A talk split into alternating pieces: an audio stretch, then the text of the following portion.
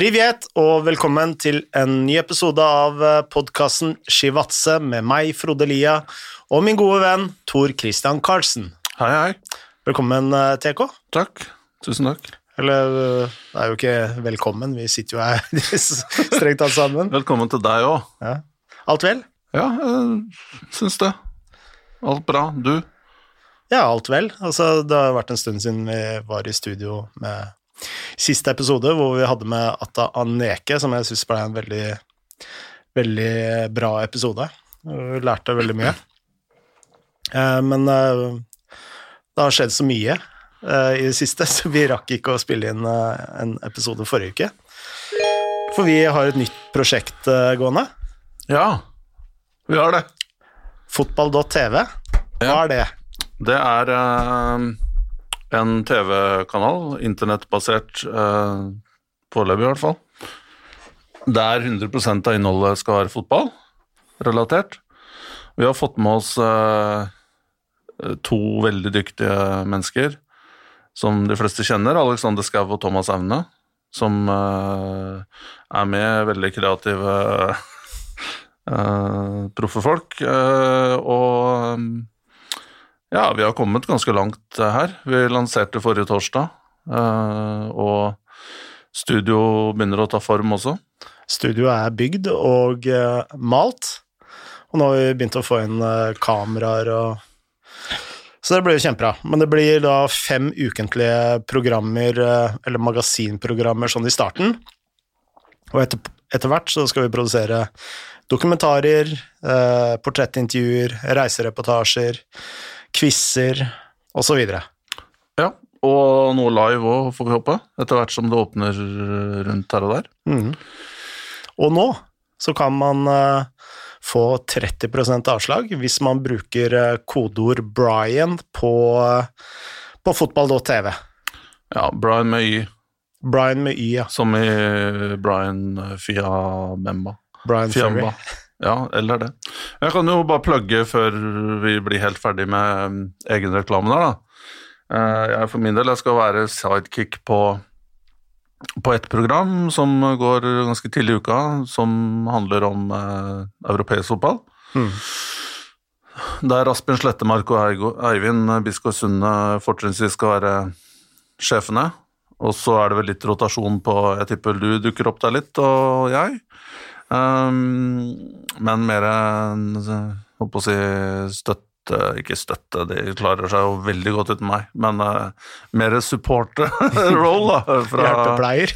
fra, ja, uh, fra min side, men uh, på det som i utgangspunktet ser ut til å bli et fredagsprogram, så er det jo snakk om at, eller det er vel bekrefta, at jeg sammen med en dyktig fyr som heter Stian De Wahl, skal ha et program som heter Mercato, som eh, de fleste vet er måten man beskriver overgangsmarkedet på i Italia og, og Frankrike og Sveits, tror jeg, eh, Belgia og litt sånn. Mm. Og vi skal jo da eh, snakke om overganger, kjøp og salg. Jeg vegrer meg veldig for å bruke spillelogistikk, jeg syns det er et fryktelig uttrykk, men Og kanskje vi skal breake noen nyheter etter hvert. Og analyse, da. Mm. Så vi starter jo allerede første uka, og da blir det jo ganske tett innpå det første overgangsvinduet allerede. Mm. Så vi vil ha veldig mye å, å prate om, og det blir ikke bare synsing og, og spekulasjoner, det blir også analyse, da. Eh, ta, for oss, ta for oss forskjellige lag, hva man burde gjøre, hvilke prioriteringer. Prøve å se litt bak eh, kulissene også, hvordan mekanismene henger sammen, og eh, se litt på de forskjellige aktørene som trekker i, i, i, i snorene i overgangsmarkedet, Mercato. Så jeg tror det er mange Chivadse-lyttere da, som vil eh, sette pris på, på det programmet. For vi får jo veldig mange spørsmål om akkurat det her, om overgangsmarked og kjøp og salg. Men det er jo sikkert veldig mange som lurer på hva skjer med denne podkasten, og denne podkasten består. Jeg håper det. Mm. Eh, ikke hørt noe For dette er jo litt sånn gullungen vår. Ja, det er jo det. Du kan ikke bare hive Hive favorittbarnet på, på sjøen eh, med en gang, så vi, vi fortsetter, vi. Eh, Sist eh, vi var i, eller siden sist vi var i studio, så er det jo mye som har skjedd. Bodø-Glimt har blitt seriemestere. Det er innspurt i Obos, og vi har hatt nødlandslaget i aksjon. Og vi trenger kanskje ikke å, å si så mye om nødlandslaget, for det er vel blitt diskutert uh, opp og ned i mente, men uh, det var faktisk en av de beste fotballopplevelsene jeg har hatt i år. Uh, hvis jeg tenker meg godt, godt om. Ja, det tror jeg det var. Ja, og moro. Og skikkelig moro. Annerledes og artig opptakt og Men Bodø-Glimt, jeg så du tagga meg i en tweet om eh, For du var jo ganske tidlig ute med å altså flagge Bodø-Glimt som et topplag i Norge. Eh, Da går vi egentlig eh, tilbake til da de var i Obos, eller Mm. rett etter eh, opprykket, for da snakka vi om Bodø-Glimt. Og serien hadde vel ikke starta ennå, men, eh, men eh, de fleste mediene de tippa jo Bodø-Glimt på, eh, på nedrykk. Mens du mente at uh, Bodø-Glimt eh, fort kunne hevde seg i toppen, for du var så imponert over det de hadde vist i eh, treningskampene uh, den vinteren. Uh, hva var det du så allerede da med Bodø-Glimt, som har slått ut i full blomst, full blomst nå? Skal bare starte med at jeg har også bomma mye. Så, men jeg var i hvert fall sperra opp øynene da jeg så Bodø-Glimt i preseason-oppkjøringa til 2019-sesongen. Mm. Eh, og hvordan de kanskje ikke skåret så altfor mye mål, jeg husker ikke helt hvordan resultatene var, men det, i hvert fall liksom, det var så tidlig i sesongen så så du veldig klare konturer på hva de ønska å gjøre, og hvordan de ville opptre på banen, spesielt offensivt, som veldig få lag i Norge egentlig får til. Offensiv samhandling, men der var det veldig liksom De bare valsa over lag ett etter ett etter ett. Uh, og, og det var liksom sånn trygghet og, og, og, og så godt organisert, da, det, det laget der. Og ikke bare i gjenvending, men også motetablert, som imponerte meg. Og så begynte man jo å se at den generasjonen med, med de, de som virkelig har slått gjennom nå, med Bjørkan og Evjen som forsvant etter år én, og Hauge og, og, og Berg eh, begynte å komme, da. Mm. Skikkelig. Så som sagt så er det jo aldri enkelt å tippe en tabell før sesongen. Det er jo noen lag som er i mye bedre forfatning enn andre så tidlig, men øhm, det laget og hvordan de også spilte i Obos da, i 2018, det var jo Jeg husker ikke helt, øh, men det kan jo være at Bodø-Glimt Nei, Ålesund fikk flere poeng i 19, men Bodø-Glimt skårte jo vanvittig med mål, Uh, og, og, og igjen valsa over lag hele tiden. Um, og så har det jo hatt utskiftninger, da, selv under disse to årene her, som beviser at uh, alt handler ikke liksom bare om at, at det er systematikk og godt arbeid på treningsfeltet som er resepten her. Mm. Så vi må jo bare gratulere, og jeg syns det er kjempemoro at, uh, at Bodø-Glimt har lykkes. Uh, og det var nok mange som trodde at 2019 var et blaff da med sølv eller andreplass, og så at de ikke skulle klare å Og de mista igjen spillere. Og så har det jo vært helt unplayable, eh, unplayable i år. Altså, du har jo jobba med veldig mange trenere, og eh, det jeg syns er kanskje mest interessant med eh, Eller det er mye som er interessant med Bodø-Glimt og Kjetil Knutsen som trener, men en ting som jeg ofte har tenkt på, altså før Bodø-Glimt, det er jo det, altså, disse motpolene, de som velger å organisere angrep og terpe på angrep, kall det gjerne nederlandske skolen, da. Og så har du motsetningen eh, som eksempel Alex Ferguson sto veldig opp på, at, eh, at eh, det kreative og angrepsmessige skulle komme fra spillerne sin egen kreativitet, da, og, at samhandling er noe som gode spillere finner fram til selv. Hvor er du på den pendelen der? Nå er jo ikke jeg trener, og ikke trener, har ikke noe trenerutdanning, så det, det blir jo på en måte liksom Men hvis jeg skulle velge en trener da, til en klubb, Mm. så, så er det jo mer betryggende å På en måte så er det jo mer betryggende å velge en trener som har et klart konsept, og som har Jeg har i hvert fall alltid respektert de som er gode på treningsfeltet, og som har en veldig klar plan på hva man gjør for å få laget til frems, til å fremstå på en viss måte, Mm. og som orker å, å bruke de tusenvis av timene til å, til å få dette her til å bli en organisme, da, på en måte. Eh, Og den jeg jobba med som var mest eh, kan si, klar rundt det, var jo Luciano Spalletti, som, eh, eh, som eh, var trener i Zenit. Da jeg var der, kjent italiensk trener. Og han var veldig på offensiv samhandling, Mm.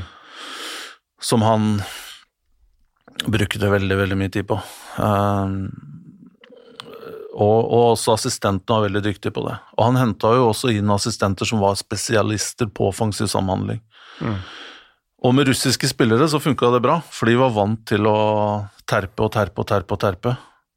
Mens det er klart, hvis du tar over Madrid og, eller et stort eh, et stort, eh, en stor klubb med verdensstjerner, så er det klart at PSG da, Mm. skal liksom få Mbapp og Neymar og Di Maria hadde kanskje gått for han har så klar spillestil, Mm. men skulle fått de spillerne til å ta den jobben der hver dag Det blir jo ganske monotont og mange vil si kjedelig, da. Ja. Og øh, endimensjonalt, men resultatene kommer jo. Mm. Uh, så det må være gjennomført uh, og, og stå og falle på det, da.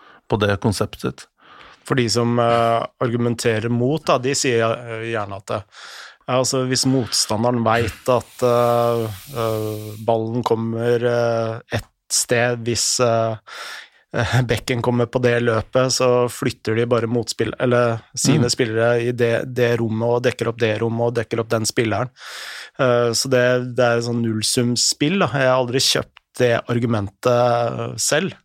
Nei, for Der ser du også Bodø-Glimt og de lagene som er gode, gode det med spillvendinger, da, som de er veldig gode på. Så de klarer å flytte på motstanderen selv om de vet på en måte mønstrene dine. Ja, Så når du, går, når du går deg fast, så klarer du å flytte på motstanderen og, og, og sideforskyve med ball kjapt. Mm. Og samtidig så har du jo det jeg syns koden som Bodø-Glimt også har knekt, det er jo at de har kreativitet innenfor øh, mønstrene. Uh, og ja, se på de offensive spillerne som får lov til å Hvis ikke den løsningen man i utgangspunktet skal gå for, så får man lov å gjøre andre ting. eh, og bruke hodet selv, da. Så er det klart at det hjelper jo når, når du har Sikker Nagel som har jeg vet ikke hvor mange mål, målpoeng han har i år, men jeg, jeg så noe statistikk på han har skapt borti 80 sjanser i offisielle kamper i år, det er jo helt ekstremt. Og jeg tror Hauge var godt over 50 han òg. Så det er klart, det vitner jo om kreativitet òg. Liksom, det er ikke bare fart og gjennombruddshissighet, det er kreativitet der òg. Nei, men hvis man også driller inn et eh, offensivt system, da, så åpner jo alle disse andre rommene seg Mm. også automatisk. Et annet lag som er ekstremt drilla, som kanskje er verdens mest drilla lag på offensiv eh, struktur, er jo Leeds. Og eh, altså, de, eh, de gjør det ekstremt bra, eh, både med tanke på altså hva de har av spillerlønninger og altså nesten alle parametere, nyopprykka lag osv. Og, og alle vet åssen Leeds spiller, men likevel så er det veldig vanskelig å demme opp, for de har gjerne to, tre, fire alternativ fremover til enhver tid. Eh, så det blir, blir liksom eh, ekstra Så jeg har aldri kjøpt det argumentet at eh, altså, det er bare å stille opp motspillerne på, en viss måte, og så demmer dem, man opp for det. Ja, altså det kan funke en omgang, og det kan funke i 60 minutter, og det kan funke i 70 minutter, men de siste 20 minuttene så gjør det som, som oftest Altså, da rakner det. Mm. Når du møter sånne lag som er bare maler på hele tiden med de samme tingene, og så plutselig har de en åpning eller to, og så vinner de kampen 2-1. Ja, det Det er jo det er, Altså, fotballen er jo Altså, det er jo aldri 100 like situasjoner. Det er jo liksom uh, hele tiden uh, nye situasjoner du må forholde deg til, og Eh, og, men, men, det er klart, noe, må, noe improvisert må det jo være. Og det er kanskje der det har, eh, der det har skorta på, da, litt sånn for andre lag som har vært liksom 4-3-3-lag. Mm. Vi skal spille på den måten der. Men man har også bygd lagene litt annerledes, da, som jeg sier. At man har liksom ikke turt å Eh, nå bruker jo ja, altså de innoverkantene, sånn som Hauge fra, spilte fra venstre mot høyre og Sikkernagel motsatt. Så de ble på en måte playmakere plutselig, da, når de kommer inn i banen og, mm. og er kreative. Men det er klart, hvis du liksom bare har fart og gjennombruddshissighet, så blir du jo Ja, fordi det er jo det som kanskje er det mest imponerende med Bodø-Glimt. Det er at de behersker så mange faser av ja. spillet. Altså både når motstanderen legger seg lavt, og kontringsspillet. Mm. Og det er sånn Altså, det er jo en vanvittig kombinasjon, da, hvis du klarer å beherske begge deler. Altså Manchester United, for eksempel, da, som bare klarer å, å altså, spille bra mot uh, lag de kan kontre mot, og behersker ikke det andre. Og da blir det en sånn begrensning i, i, i resultatene, da. Så Jeg er veldig spent på hvordan det går uh, neste år, uh, med tanke på at Sikker Nagel forsvinner jo, og Eliteseriens beste spiller i 2020. Jeg regner med at han blir kåra til det. Mm. Uh, hvis ikke må det være noe fundamentalt feil. Uh, han går ut av kontrakt og har sikkert masse tilbud. Se jo min gamle venn Pini Sahavi har jo kommet på banen der med uh, Har vel tatt over som agent. Mm. og han kaster jo ikke bort tida på, på ting hvis han ikke har noe Spennende. Eh, og så er det vel flere andre der, Bjørkan og Junker, kanskje, da. Eh, og hvem vet, Ulrik Saltnes, kanskje. Og jeg regner med at Sakariassen får tilbud fra Ros altså at han forsvinner fra Rosenborg, og da er det naturlig å tro at kanskje Saltnes går dit, da. Mm. Så hittil så har det jo fungert at du har mista én eller to, og så har du klart å erstatte Eh, erstatte de spillerne, fordi man har hatt en, eh, et klart system. Og, mm. og, men det er klart, det stopper jo på et tidspunkt. Og veldig spent på hva de gjør med å erstatte Sikkernagel spesielt, som har vært så toneangivende. En ting til. Vi hadde jo Lars Bohinen på besøk, som mente at eh, det at de kunne trene gjennom eh, hele covid-19 eh, med tanke på at de eh, slapp å permittere. At det ga de et fortrinn. Det er jo spennende å se etter om Lars Bohin faktisk har et poeng. Ja, det, men det er jo klart at den effekten Altså, Bodø-Glimt har jo ikke stoppa. Og de har jo de har også spilt i Europa og hatt borteturer hit og dit som har stykka opp ukene deres og mista spillere og sånn, så er det klart at den effekten de eventuelt fikk ut av eh, en ganske grei som eh, vinter, oppkjøring Det er klart at på et eller annet tidspunkt så blir jo, er jo ikke den var jo, Den varer jo ikke ut hele sesongen. Nei. Men Bodø-Glimt har jo bare Ok, de fikk en god start, men husk også på at de ble nummer to i fjor. Så det er jo ikke noe Og de vinner serien med 20 poeng, eller hva det er. så det er klart at det er, det er, jo mye, mye mer Men her er det Jeg vil si det er um, Kjetil Knutsen og Åsmund Bjørkan og, som uh, har klart å Har hatt et konsept der som de har Jeg har ikke sett hvordan de jobber, altså jeg har aldri vært der oppe. og Kanskje jeg får anledning til det en gang, men jeg, jeg skulle jo gjerne liksom De må jo være utrolig dyktige, da. Som Én ting er at man er flink til å prate om fotball og tenke og filosofere over det, men noe annet er jo å klare å sette de tankene ut i verden, Mm. som de har gjort. Så de må jo også være gode pedagoger i tillegg til dyktige fagfolk. da. Ja, for det er jo en litt sånn siste ting før vi runder av Bodø-Glimt-segmentet. Altså, nå kommer det jo mange internasjonale aviser, The Guardian har vært der, og New York Times har vi også Ja, skrevet sak om dem, og én ting de alltid trekker frem, det er jo dette med at de har liksom Uh, det Jackson hadde i Chicago Bulls, The Silent Hour, altså meditasjon og mental trening og sånt, det er uh, noe de legger ve veldig vekt på. Eh, og det er jo eh, veldig spennende, egentlig. Fordi eh, alt dette med psykologi og mental trening er jo ganske nyprøvd mark i fotball. Og eh, jeg er helt overbevist om at, og det har vi snakka om tidligere, at den store oppsiden som altfor få har benytta seg av, er jo akkurat den delen. Altså dette med psykologi og mental trening og så øh, det er jo veldig spennende om dette også kommer til å bre seg til andre norske klubber i Eliteserien og Obos. Ja, ehm, men igjen så må man jo være gjennomført, og man må ha en klar idé. Og jeg, tror vel ikke at det passer kanskje alle, da. At det er noe som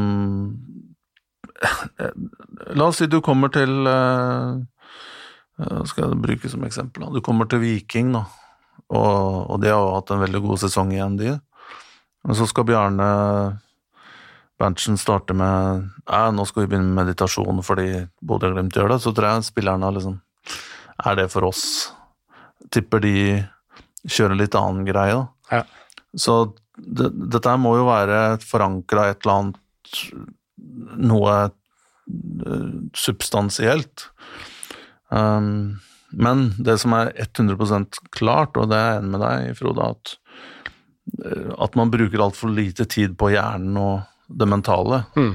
For det når alt kommer til alt, så er jo Dette blir veldig sånn rart da, å si det på den måten her, men det er jo veldig obvious. Det eneste vi har, er jo hjernen. Altså, resten er jo bare komponenter og bein og, og, og hud og, og kjøtt øh, og organer og sånn, men det, det, uten hjernen så funker jo ingenting av det. Så man skulle jo tro at man prioriterte det mye mer. Har du vært i noen øh, klubber internasjonalt hvor man har liksom brukt mye tid og energi på akkurat det?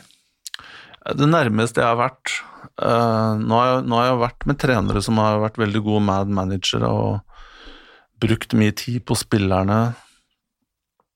Eh, og vært gode psykologer, altså én til én og, og, og så overfor grupper. Um,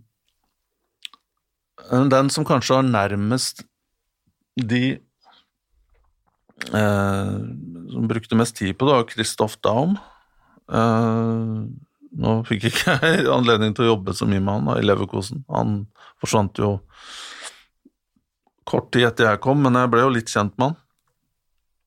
Eh, ja, folk kan jo lese seg opp eller høre på den podkasten til Erik Niva om Bayer Leverkosen, Mm. om hva som skjedde der med, med den skandalen med han. Men han var jo enorm motivator. Um, jeg husker jo tre, var på treningsleir eh, i Thailand, og da fikk han jo de fleste av spillerne altså I dag så hadde man jo ikke turt å gjøre det, bare av ren Legen hadde jo satt ned foten, men han fikk jo flere av spillerne til å gå over brennende kull, altså sånn ikke brennende kull, men ildrød kull. Ja, ja, ja. Uh, og hadde, hadde med seg tror jeg var en svær ørn inn i garderoben før en kamp, bare sånn for å liksom vekke spillerne og se hvor flott og vakker den ørnen var. Og. Så han hadde masse sånne grep, men det var ikke bare billige grep, da. det lå masse tanker og, og, og sånt bak det. Og, og det bekrefter litt Nå gikk det litt sånn eh, Han ga seg kanskje litt for sent og tok på seg en del sånn unødvendige jobber på slutten av karrieren eh, som han ikke burde gjort. Men da han var i sitt ess, da sånn begynnelsen av 40-årene fram til han var 50, Mm. så, så gjorde han så mange ting da, som på den tiden ingen andre gjorde. Og samtidig så var han har, Dette har vi vært inne på her tidligere, da, med kulturell forståelse. Han vant jo seriemesterskap i Tyrkia. Han vant først med Stuttgart tidlig på 90-tallet. Midten av 90-tallet så var han vel i Besjiktas, vant uh, ligatittel der. Eh, og gjorde det bra i Köln. Og så var han jo i Leverkosen, gjorde det bra der. Og så kom den skandalen, men så fikk han jo på en måte en sånn redemption igjen i Tyrkia. For de tok han tilbake dit og brydde seg ikke så mye om den skandalen. Mens i Tyskland så måtte han sone. Så han, han måtte reise da til Tyrkia. Jeg lurer på om han det var enten Fenerbahçe eller tilbake til Besjiktas. Tror det var Fenerbahçe. Og han kunne jo tyrkisk, da, i tillegg.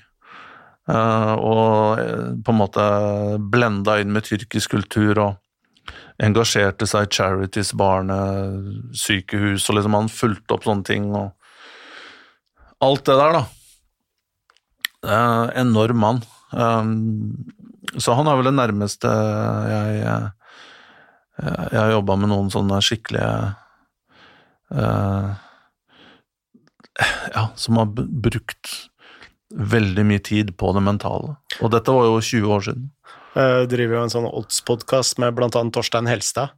Jeg husker jeg vi var ute og så Champions League-kamp eh, sammen, og så spurte jeg Det er et sånn typisk spørsmål jeg alltid spør eh, de, eh, de som har spilt på høyt nivå, da, altså, hvem er den beste treneren du, du har spilt under? Og, han, og veldig ofte så sier jo spillere sånn ja, det er jo ganske mange, og så trekker de fram eh, en juniortrener som du aldri har hørt om, og så eh, Men eh, Torstein han var bare klar. Kristav Daum. Ja. Down. Du er Austria, Ja, Austria Wien, ja, riktig. Eh, og den kom, kom fort Ja. og kjapt, så Men jeg har jo bare blitt kjent med han gjennom skandalene. Så for meg, så øh, Når han nevner dam så tenker jeg ja, det er han derre kokainissen. Eh, Det er liksom mitt fø- førsteinntrykk, men jo mer du leser om den og hører om den, så var han jo en fantastisk trener. Ja, ja. Og han øh, Men det var jo, det var jo, det var jo veldig synd. Han øh, var jo- Altså, han tok jo Leverkosen opp. Det var jo på vei mot veldig bra ting. Eh, og så hadde han jo fått landslagsjobben. Jobben. Mm. Uh, og så Leverkosen var jo allerede i gang med på en måte en su succession planning Uh, på hvis han skulle forsvinne, men så dukka den skandalen her. Det var september, tror jeg. Slutten av september i 2000. Og da Og da var det egentlig ikke noe Som sagt, han fikk jo en opptur, vant igjen i Tyrkia, men han hadde fortjent mer, da. Mm. altså, han hadde eh, Han var på vei mot liksom å pike karrieren da det her Mm. kom, så Ja. Uh, en annen ting uh, som jeg er litt uh, nysgjerrig på, som vi må snakke litt om, og det er jo innspurten i Obos. For der, eh, altså nå er jo Tromsø de er jo klare for Eliteserien. eh, og Sogndal og Lillestrøm kjemper nå om den siste, siste plassen. Lillestrøm ligger da på andreplass, Sogndal på tredje. Du har jo fire lag på 31 poeng. Du har Grorud på kvalik med 30 poeng. Og så har du eh, eh, Så har du Øygarden på 27 poeng på nedrykk, og Kongsvinger på 25 poeng. Så det er et rotterace, da. Og det er jo uh, Altså, Jerv har vel fire, fire kamper igjen, uh, mens uh, Ullkisa har to. Eh, Strømmen har tre, Stjørdalsblink tre, Grorud tre, og Øygarden og Kongsvinger to. Så det er et rotterace om nedrykksplass og den kvalikplassen. Ja. Eh, gratulerer til Tromsø, først. Vi kan jo også legge Ja. til at eh, på kvalikplass eh, opp så ligger jo da både KFM Og eh, Raufoss de eh, har 36 poeng, mens Sandnes Ulf 37 eh, poeng på kvalikplass. Så det er jo også et rotterace om eh, kvalikplassen. Alle har noe å spille om, mer eller mindre. Riktig. Men ja, Tromsø, bare heder og ære. Var egentlig aldri i tvil, selv om de hadde en periode der i høst eller på sensommeren hvor de hadde en dårlig run, men Mm. jeg, jeg syns jo det har vært et solid lag. Um, gode spillere. Altså, jeg, jeg syns jo det var litt sånn arbeidsuhell at de rykka ned i fjor, um, på siste dagen der. Mm. og jeg vet ikke, kanskje Valla-Kari slapp litt billig unna. At um, den på en måte Ja, hvis du går litt tilbake til det vi starta med, da, at han hadde jo den kompromissløse stilen med sin, med ekstrem possession og og, og Nå er det ikke noe feil å spille seg ut bakfra, men det er jo liksom Hadde de, hadde de mannskapet, da Kanskje det funka bedre nå, med Yttergård Jensen kom inn der og sånn, som kunne styre spillet litt mer og sånn, men Men jeg, jeg syns jo ikke Tromsø var det, det var jo første gang de var i nedrykksstriden omtrent, Mm. var jo da de rykka ned. Altså det var vel første gang i løpet av sesongen de var på nedrykksplass. Ja. Så det er klart at eh, det er jo ikke noe sjokk at de eh, rykker opp med tre runder igjen. Mm. Og jeg syns egentlig de har et ok lag, må jo ha inn en angriper. De mister både Asemi og Espior. Går ut lån, og Kitolano er jo usikkert hva han gjør. Eh, Så de må jo ha noe foran på banen der. Ja. Eh, Asemi, går han tilbake til Vålerenga? Stabæk. Stabæk, ja. ja. Ja. Stemmer det, han gikk. Eh, Så Men ellers så syns jeg Tromsø har Nå spurte ikke du om Tromsø, men jeg fullfører resonnementet. Absolutt, absolutt. Ja, jeg jeg syns de har et decent lag, og jeg syns de har en del anvendelige spillere. Uh, Og har hatt litt skader uh, både her og der, spesielt bakover. På banen Lasse Nilsen, som er en god spiller, har vært ute, som han har brukt andre. Liksom, det Helstrup har måttet ja, rotere og, og, og bruke spillere kanskje på posisjoner der han helst kunne ha brukt noen andre. Så når han får hele laget og um, 100% tilbake, så, så er det et greit kollektiv, syns jeg. Og- Det er kanskje ikke, men det er jo kanskje noen, Jeg vet ikke hvor mange mål de har skåret nå, noen og 50, tipper jeg. Men eh, alle skårer mye mål i Obos, da, så de skulle kanskje ha hatt 70. Bare sånn Ranheim har skåret mest, tror jeg. Så det, det er litt Men 55, eller hva de har Nå sitter du med tabellen her, men hva, jeg vet ikke, men de har noe på 50-tallet, tror jeg, Tromsø. 57 poeng. Ja. eh, Mål? Ja, nei, Nei, men i hvert fall de kunne kanskje ha skåret med mål da, det, at, i den divisjonen. Um, men bak um, Jeg ser også for meg at Lillestrøm har dette her. altså De har fem poeng ned til Sogndal, tror jeg. Det er to. To, ja. To okay, men Men de har én kamp ja. mindre spilt. Og det er hjemme mot Jerv, tror jeg. Nei, Ja. den vant de 1-0. Uh, men de har en Nå husker jeg ikke helt hvem det er, men uh, med Lillestrøm syns jeg også har sett bra ut i høst. Fått struktur på det. Skaper kanskje litt lite sjanser, de òg, men uh, Lillestrøm spiller mot Grorud eh, neste kamp. Ja, og det er hjemme. Og, Mm. Eh, i, det, det her skal de ta, og da rykker de opp. Mm. Så Lillestrøm fikser det her. Jeg er litt, bitte litt skuffa over Sogndal, for det, de var jo skikkelig i, i vinden da, på sommeren her. Og jeg har sett litt på Sogndal, for jeg syns de har utrolig mange kule typer. Unge spillere som uh, Spiller en fin, fin underholdende fotball òg. Ja, absolutt. Og Eirik Bakke bygd litt på nytt der igjen, med, med ungt. Og så jeg hadde egentlig Det er litt sånn Ja, kvaliken er jo der fortsatt uh, som en mulighet, men jeg hadde kunne tenkt meg å ha sett Sogndal egentlig i Eliteserien nå, Mm. uh, neste år. Det som er jokeren her, det er jo covid-19. Uh, nå har Åsane har elleve spillere ute, eh, og det er jo ganske dramatisk. Ja. Og eh, ikke bare at det har noe å si for tabellposisjonen, men nå er jeg virkelig bekymra for om vi i det hele tatt klarer å spille ferdig sesongen i eh, ikke bare Obos, fordi hvis eh, Obos ryker, så ryker jo resten av toppfotballen.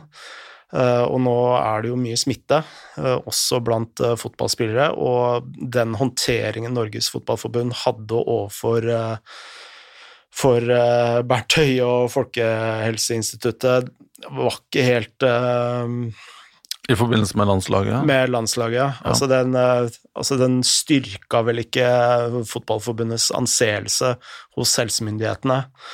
Og på toppen av det hele så kan man nå lese i VG at uh, Kongsvinger hadde en spiller ute som fikk symptomer sist mandag, og de testa han først uh, søndagen etter, altså seks dager etterpå. Ja. Og betimelig nok, eh, samme dag som de da spiller en eh, ganske avgjørende kamp, og det er jo ingenting annet enn eh, ansvarsløshet, og, og setter jo hele fotballen Risikerer jo søren meg hele fotballavslutningen. Ja. Uh, så her forventer jeg egentlig at uh, Fotballforbundet kommer på, på, banen og nærmest gir poengstraff, fordi dette er jo så graverende som man kan få det til, med tanke på den situasjonen vi er i akkurat nå. Ja, Eh, nå har ikke jeg satt meg så veldig godt inn i den saken, jeg har egentlig bare lest litt, men jeg hører jo det du sier her, er jo, er jo veldig um, spesielt. Um, og, og, det her blir, kommer jo ikke til å Du ser også på ishockeyen, hvor det var Sparta for noen dager siden hadde tolv uh, spillere, de òg. Ja. Eh, så det er klart at Og smitten i Norge, da. Nå er ikke jeg epidemiolog i det hele tatt, så bare ro dere ned hvis pulsen begynner å banke litt ekstra når jeg kommer med meninger om covid-19, men uh, det er jo klart at man Det er lov å tro at smitten er større enn det vi enn det de offisielle tallene er, da. Mm. Når det er veldig mange som liksom rutinetestes som idrettsutøvere, for, men ikke visste at de var, var uh, smitta, uh, ikke har hatt symptomer, så er det jo nærliggende å tro at mange flere har det enn det som er tilfellet. Men men uh, det her er jo ikke bra i det hele tatt. Og jeg, det har jo vært litt lignende sånne situasjoner på, på kontinent, og Lazio har vel en sånn greie på gående her med både Uefa og italienske forbundet mm. angående testing som eh, har vært eh, mye kontroverser rundt. Så det er i hvert fall viktig at det her må man være på vakt, og, så må man også være 100% på vakt at det er ingen som prøver å dra nytte av dette her, eller være opportunistiske, som du insinuerer her, da. Nei, eh, nei det, jeg insinuerer egentlig ingenting, men nei. jeg bare konstaterer at det, det, å ikke teste en spiller, da, ja. det medfører at laget ikke går i karantene, så du får jo en oppside her. Uh, Absolutt. Om det er gjort Eh, jeg påstår ikke at de har gjort dette bevisst, men det er jo resultatet ja, av det. Ja, ja. Og, og, risikerer jo hele fotballen. Og unnskyldningen da, til Gøyven, det er at uh, han uh, mente at sønnen hans uh, hadde en liten forkjølelse, så han bare regna med at han hadde blitt smitta litt. Altså, det er en det er forklaring som ikke holder mål. Nei, og jeg har jo Nå snakker jeg bare for meg selv, men det er jo hver gang jeg har litt hodepine og snufser litt, så går jeg opp og tester meg. Og tre tester, liksom. Og jeg regner med at ansvarsfulle voksne mennesker, og som særlig da omgås veldig mange andre hele tiden, gjør det. Så det er jo overraskende. Men og her mener jeg jo Fotballforbundet må jo være Som sagt, jeg har ikke fulgt dette her supertett, altså jeg skal ikke gå ut så sterkt mot noen, men, men, det er veldig viktig at noen ikke får et konkurransefortrinn, eller på noen som helst måte benytter seg av dette her, da. Tøyer den strikken. Ja, som mm. du sier. Men apropos Åsane, bare ta, ta uh, en setning om dem, så er jo det også en fantastisk historie. Altså fra kvalik-opprykk mm.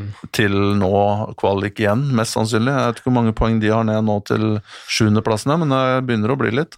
Ja, de er på 41 poeng, så de ligger jo veldig godt an. Ja, Hvor mange er det ned til ikke-kvalik, da? Eh, 36, ja. så det er da fem poeng. Ja.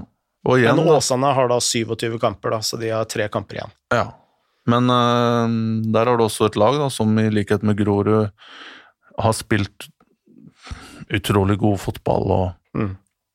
og eh, vært veldig artig å se på, spesielt i sommer da, med Åsane, hvor de virkelig eh, sto fram. Så det her blir eh, veldig artig. KFUM eh, igjen, eh, litt svak start, men eh, har kommet virkelig nå. Virkelig kommet. Eh, Jeg var og så KFM mot eh, HamKam.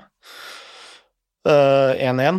Um, og, eh, altså, Stian Rask, han eh, Robin Rask. Robin Rask, Ja. eh, Fantastisk eh, spiller. Ja, enig. Så Meget, meget bra. Eller så må jeg si at eh, Solbakken junior begynner virkelig å få litt sånn fart på, eh, fart på sakene. Altså, nå begynner han å bli en ordentlig habil midtbane... Et ordentlig habilt midtbaneanker. Som, Ja. eh, ja.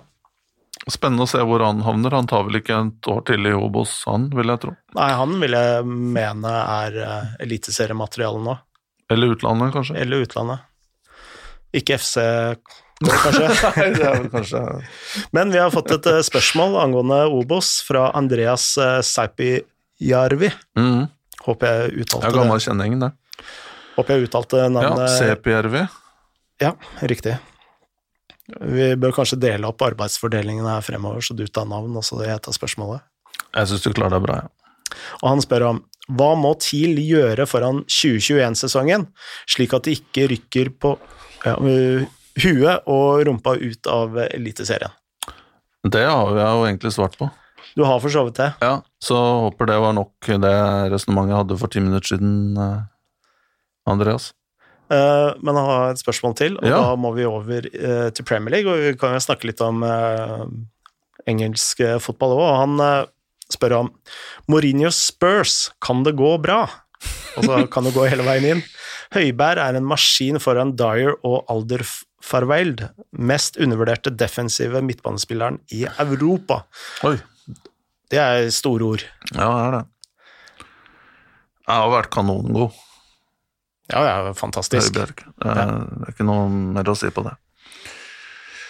Så holder dette her, da. Ehm, nå har det spilt akkurat en kvart Er det ni kamper det er spilt nå? Så Mm. man har spilt en kvartdel, eller om det er ti. Ehm, ja, vi Det er jo Vi har jo en tendens til liksom å det, det, det, det er noe av det morsomme og det kjedelige med fotballen, er at vi blir sånn short termism, og hver uke så er det Ja, for fem uker siden så var det Everton, da, som skulle bli nye Leicester, og Og nå er det Tottenham, men eh, Nei, det er klart, altså når du har spisser som eh, For det første, det du vet med Mourinho, at det blir ok organisasjon. Det blir Han får rydda opp i det defensive, som har vært Tottenham sitt kanskje utfordringer i lang tid.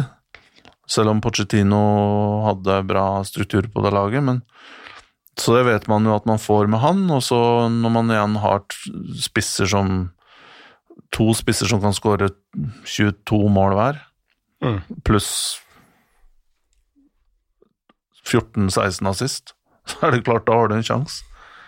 Eh, men jeg, det som er litt spesielt, og så får vi se med Mourinho hvor Jeg ser jo han har lagt til seg en sånn hold, hold som uh, Hva vil jeg si? At han har blitt Han har plutselig blitt sånn hyggelig, da.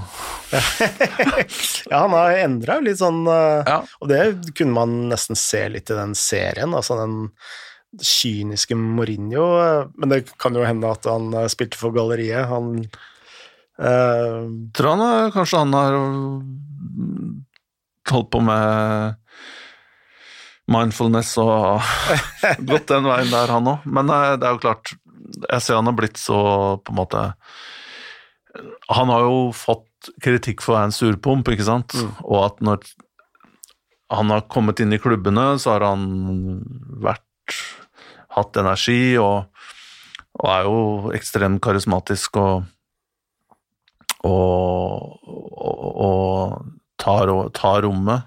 Jeg har jo truffet han selv og ble veldig imponert uh, over hva slags type han er.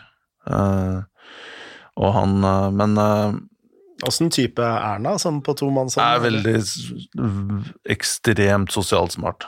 Så han ser med en gang hva slags type du er, ikke sant. Mm. Og, og, og vet Ja, han vet hvor, hvilke knapper han skal trykke på, da. Bruke en klisjé. Han, han kan se om du er en type som kan kødde med Kan jeg si det, gi noen stikk til han tåler det, han tåler det ikke. Ja. Eh, han legger seg akkurat på det nivået, eller litt over, da, på alle. Så han er ekstremt sosialt smart type. Men han har aldri Noe av problemet har jo vært at når det har butta etter et par sesonger, så har han jo gått sur og lei. Mm. Og så har det vært alle andre sin skyld, da. Så kanskje den covid-breaken der var bra litt for Tottenham, at han at, at man breaka det opp noen måneder her, da, så han fikk tuna seg inn igjen. Men nå er det jo det er, Jeg føler det er bitte litt fortsatt litt sånn honeymoon period da, med han og Tottenham. Jeg var med i en podkast i går eh, som heter Bind podkast, som er en slags sånn næringslivspodkast, kan Ja. man kanskje kalle det. Og jeg nevnte akkurat de samme egenskapene om deg i Oi. podkasten. Yes. Så ble jeg spurt om hva var din styrke. Så, Jøss. Ja, ja, takk. Uh, ikke noe men det gir jo, mening at du ser det om Mourinho, at du eh, klarer å se. Ja, Men eh, jeg så et eh, intervju eh, på Sky når eh, Mourinho var eh, pundit i Sky, og han sa jo at han hadde gått etter Manchester United, så hadde han gått veldig mange runder med seg selv om alle disse tingene, om altså alt fra treningsmetodikk til eh, hvordan han håndterte media osv. Så, videre. så han har jo gjort en re, god revurdering av seg selv, så Eh, det kan jo godt, eh, godt eh, være at han har justert lederfilosofien sin ørlite grann. Ja, men jeg, jeg Hvor gammel er Mourinho? Ikke at alder nødvendigvis skal være definerende her, men han er kanskje 56-57, noe sånt. Hvor, hvor realistisk er det at en, et menneske så sent i livet, eh, sent i livet, midt i livet, da, eh, skal klare å fundamentalt eh, forandre og ta de tunge Gjennomgå metamorfoser, da. Altså personlighetsforandring omtrent. Da. Dette er jo noe som ligger dypt, nesten genetisk, da, til mennesker. Mm. Hvordan vi eh, håndterer ting, og det er sånn mye underbevissthet her, og det, er liksom ikke bare å skru på en knapp, og så Og jeg har sagt dette her tidligere, jeg vet ikke om det er Ritchie Wads eller, eller en annen podkast, men eh, jeg steiler veldig når jeg hører og leser portrettintervjuer hvor folk sier jeg, nå har jeg tatt runden meg selv, nå, nå, nå, nå har jeg blitt et annet menneske. Jeg er mye mer interessert i mennesker, nå har er blitt mer empatisk. For det første så er det ikke du selv som skal si det. Eh, og for det andre så så er det en Så får du først testa ut det mm, etter en periode, og jeg, og jeg tror ikke det gjøres med sånne derre store Revurderinger. Ja, eller sånne store aksjoner. At nå skal jeg liksom ta meg et år, og så skal jeg Og så skal jeg lese Jung og reise, gå tur i marka og øh, Altså connecte med noe annet. Altså, jeg, jeg, det derre med å jeg, jeg tror det er noe du må gjøre i det daglige, da. Og du må ta deg selv i det hele tiden. Ja, men altså, hvis man har gått en Altså, hvis man eh, kommer til en erkjennelse, da, at eh, en viss måte å oppføre seg mot uh, sine egne spillere, f.eks., eller uh, trenerstaben, eller oppover, uh, kanskje ikke er det mest heldige, så er det sånn at du klarer på en eller annen måte å Selv om du går i baret, da, så kan det hende at du faktisk kan bare si unnskyld.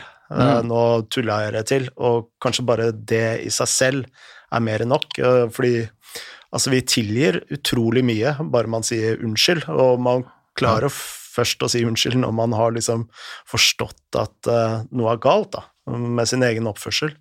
Og uh, sånn Nå bruker jeg mitt eget liv som referanse, da. Altså, det er sånn Kan kjefte på kona fordi oppvaskkluten eh, ligger ned i kummen, og så så jo, altså Skal du drive og krangle om kluten som er i oppvaskkluten eller oppvaskkummen hver eneste dag, så blir det jo utrolig slitsomt.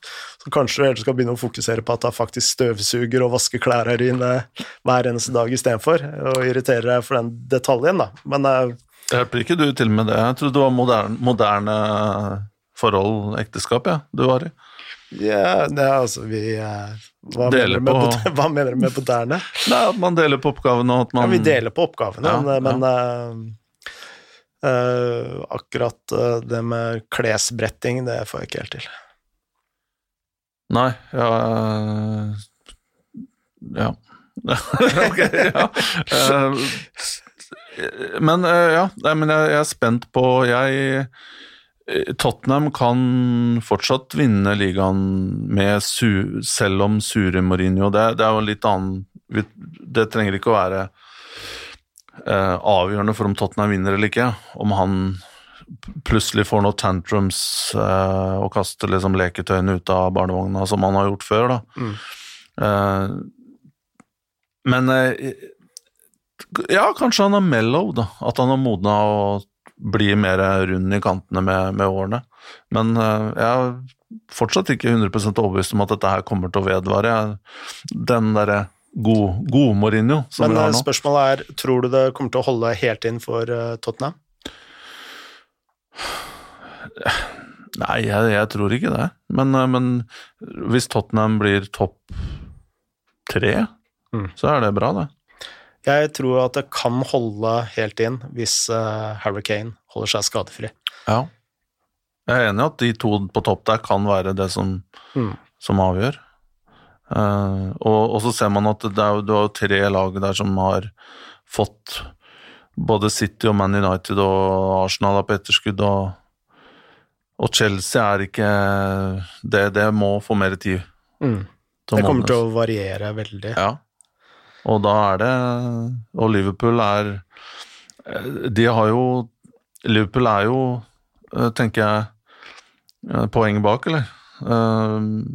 Men de skadeproblemene der, på sikt, kommer jo til å Altså, selv om de har løst det fantastisk hittil, med alle disse som har fått sjansen, i stedet for Gomez og van Dijk, mm. så er det jo klart at to sånne spillere, stoppere, i lengden må man jo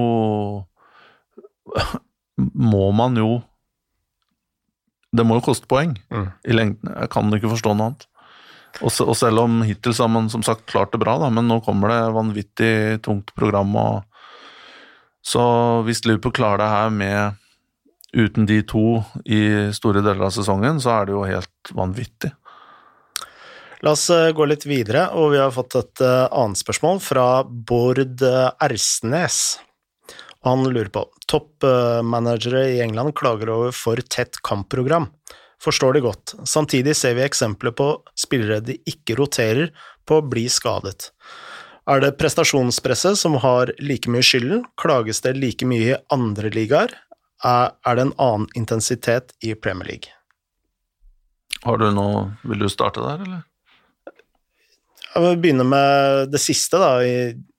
Ja, altså det er en annen intensitet i Premier League enn uh, både Bundesliga, Serie A og uh, La Liga. Altså det er en annen type fotball. Mm. Altså den er jo mer fysisk. Uh, og selv, selv, om man kan argumentere for at Premier League er en mer global liga enn en engelsk liga, så er det noe med intensiteten der som, som er mye hardere enn andre steder. Um, så uh, mitt svar på det er jo ja, og ikke nødvendigvis bedre. Det er ikke sånn at jeg mm. uh, nødvendigvis uh, uh, syns alltid Premier League er en bedre liga.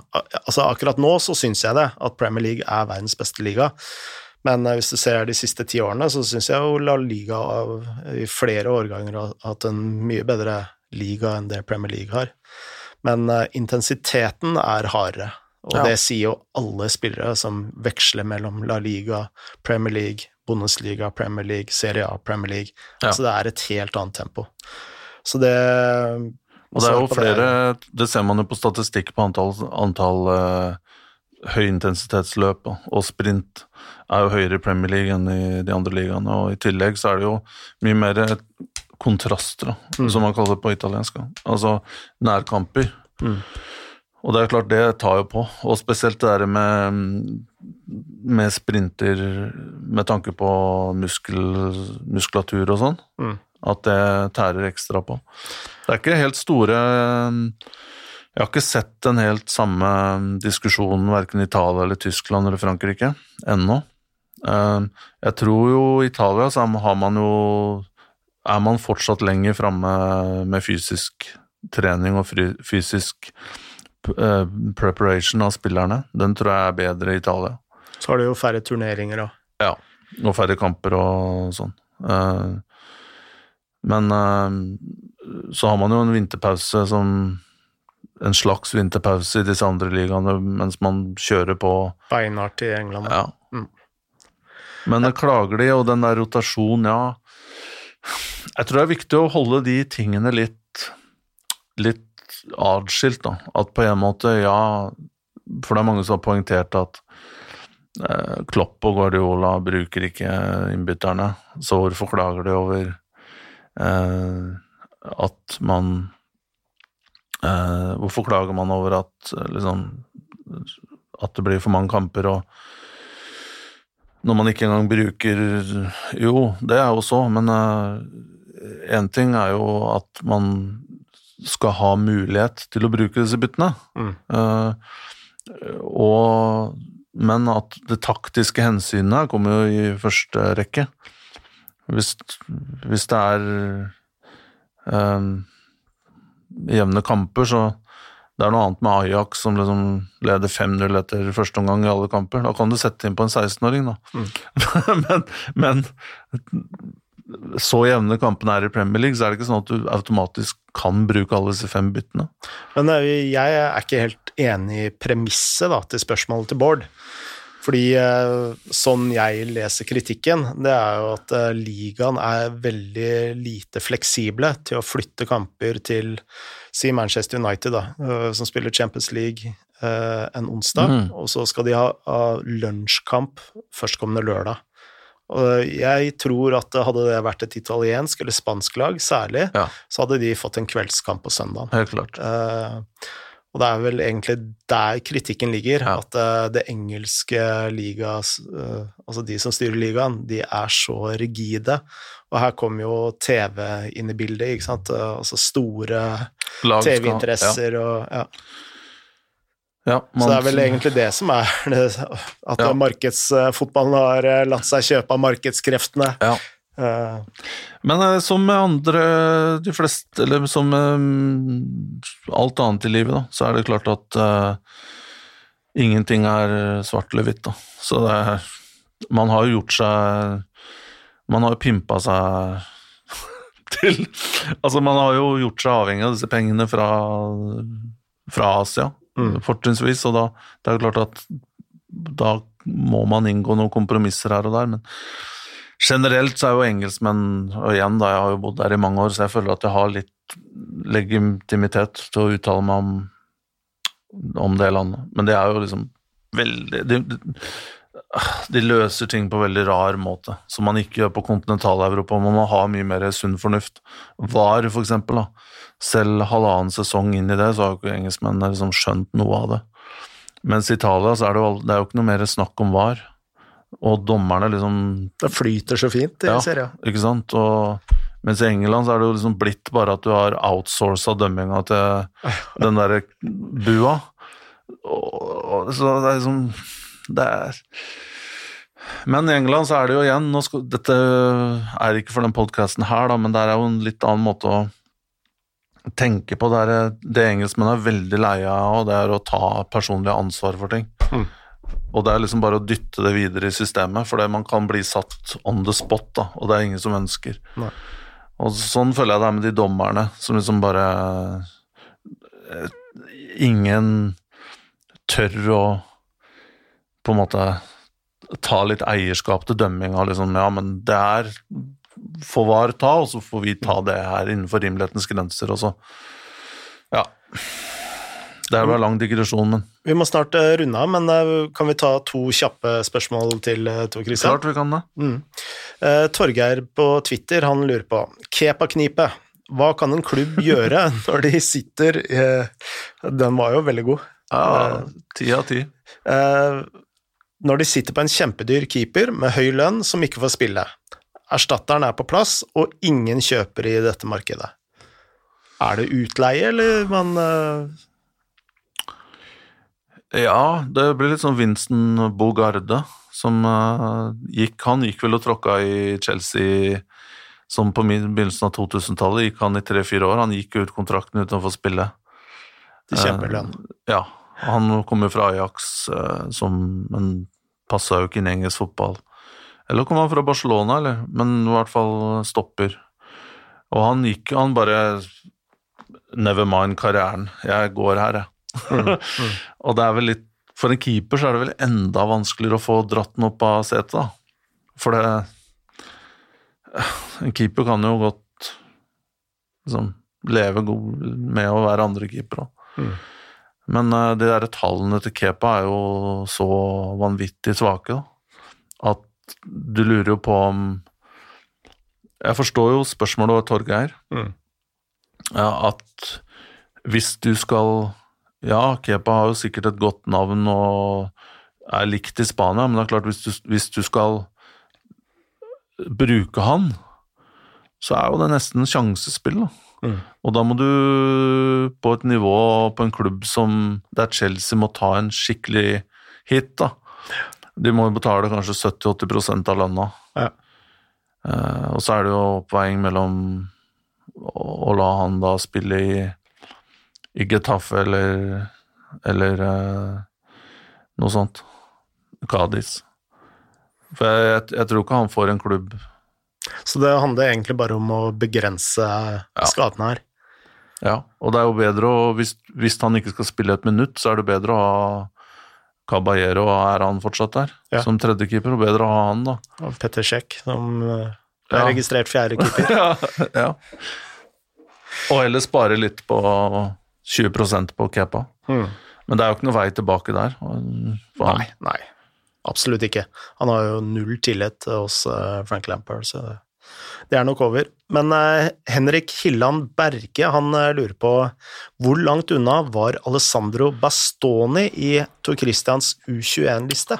Og da henviser han vel til den saken du skrev for ISBN Ja. mm, om de beste ungdomsspillerne i eh, verden.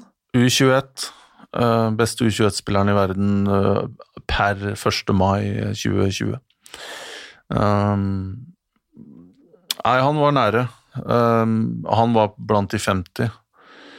Uh, og hvis den Og vi endte jo på 36, og hadde den lista vært i dag Vi skal lage en ny runde etter våren, Mm. Så eh, hadde det vært topp 50, så hadde han vært inne, men man, man må jo gå Det blir litt som med Ballon d'Or, da. Som eh, man hadde, fikk den der lista i dag, og så sier jo folk Haaland burde vært på den, ikke på Golden Boy. Jo, ok, men se på den lista, hvem er det som skal ut fra den, da? Mm. skal man ta ut Lewandowski, da, liksom? Det er, eller Sergio Ramos, eller Det er jo som spillere som har vunnet ting her og der. Mens Haaland har jo hatt en fantastisk sesong, men har jo ikke kommet langt i Champions League eller, eller vunnet uh, titler. Så, men Bastoni er uh, igjen uh, Han var akkurat sånn i ferd med å spille seg ordentlig fast på Inter den vinteren. Mm. Så han hadde kanskje sånn åtte-ti kamper som fast, da. Og det følte jeg var litt litt, Lite. litt short. Mm. Men nå ville jo han vært uh, mye høyere oppe der. Helt klart. Men igjen, da. Og vi, vi har jo en podkast dedicated til den, uh, som det er mulig å, å lytte til. Uh, den lista vil jo se annerledes ut. Mm.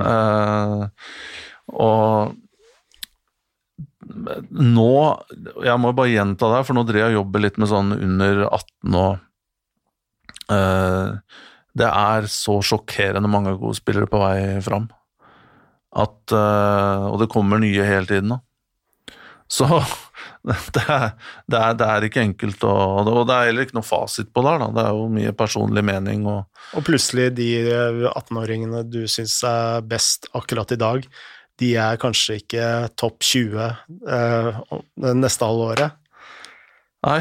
Eh, det endrer seg jo fort det det. i den alderen her. Men ja, men Bastoni er i hvert fall verdt å, verdt å holde øye med videre. Bra. Nå banker de fælt på døra her, eh, Tor Christian, så nå må vi rett og slett avslutte. Altså, dette blei jo en veldig kort eh, episode til oss å være, bare en time. Ja, men uh, vi, vi får ta det igjen uh, neste gang. Vi gjør det. Uh, da sier vi som vi alltid sier her i uh, fantastiske Shivatse, das Vedania og tre vodka ned. Moderne media.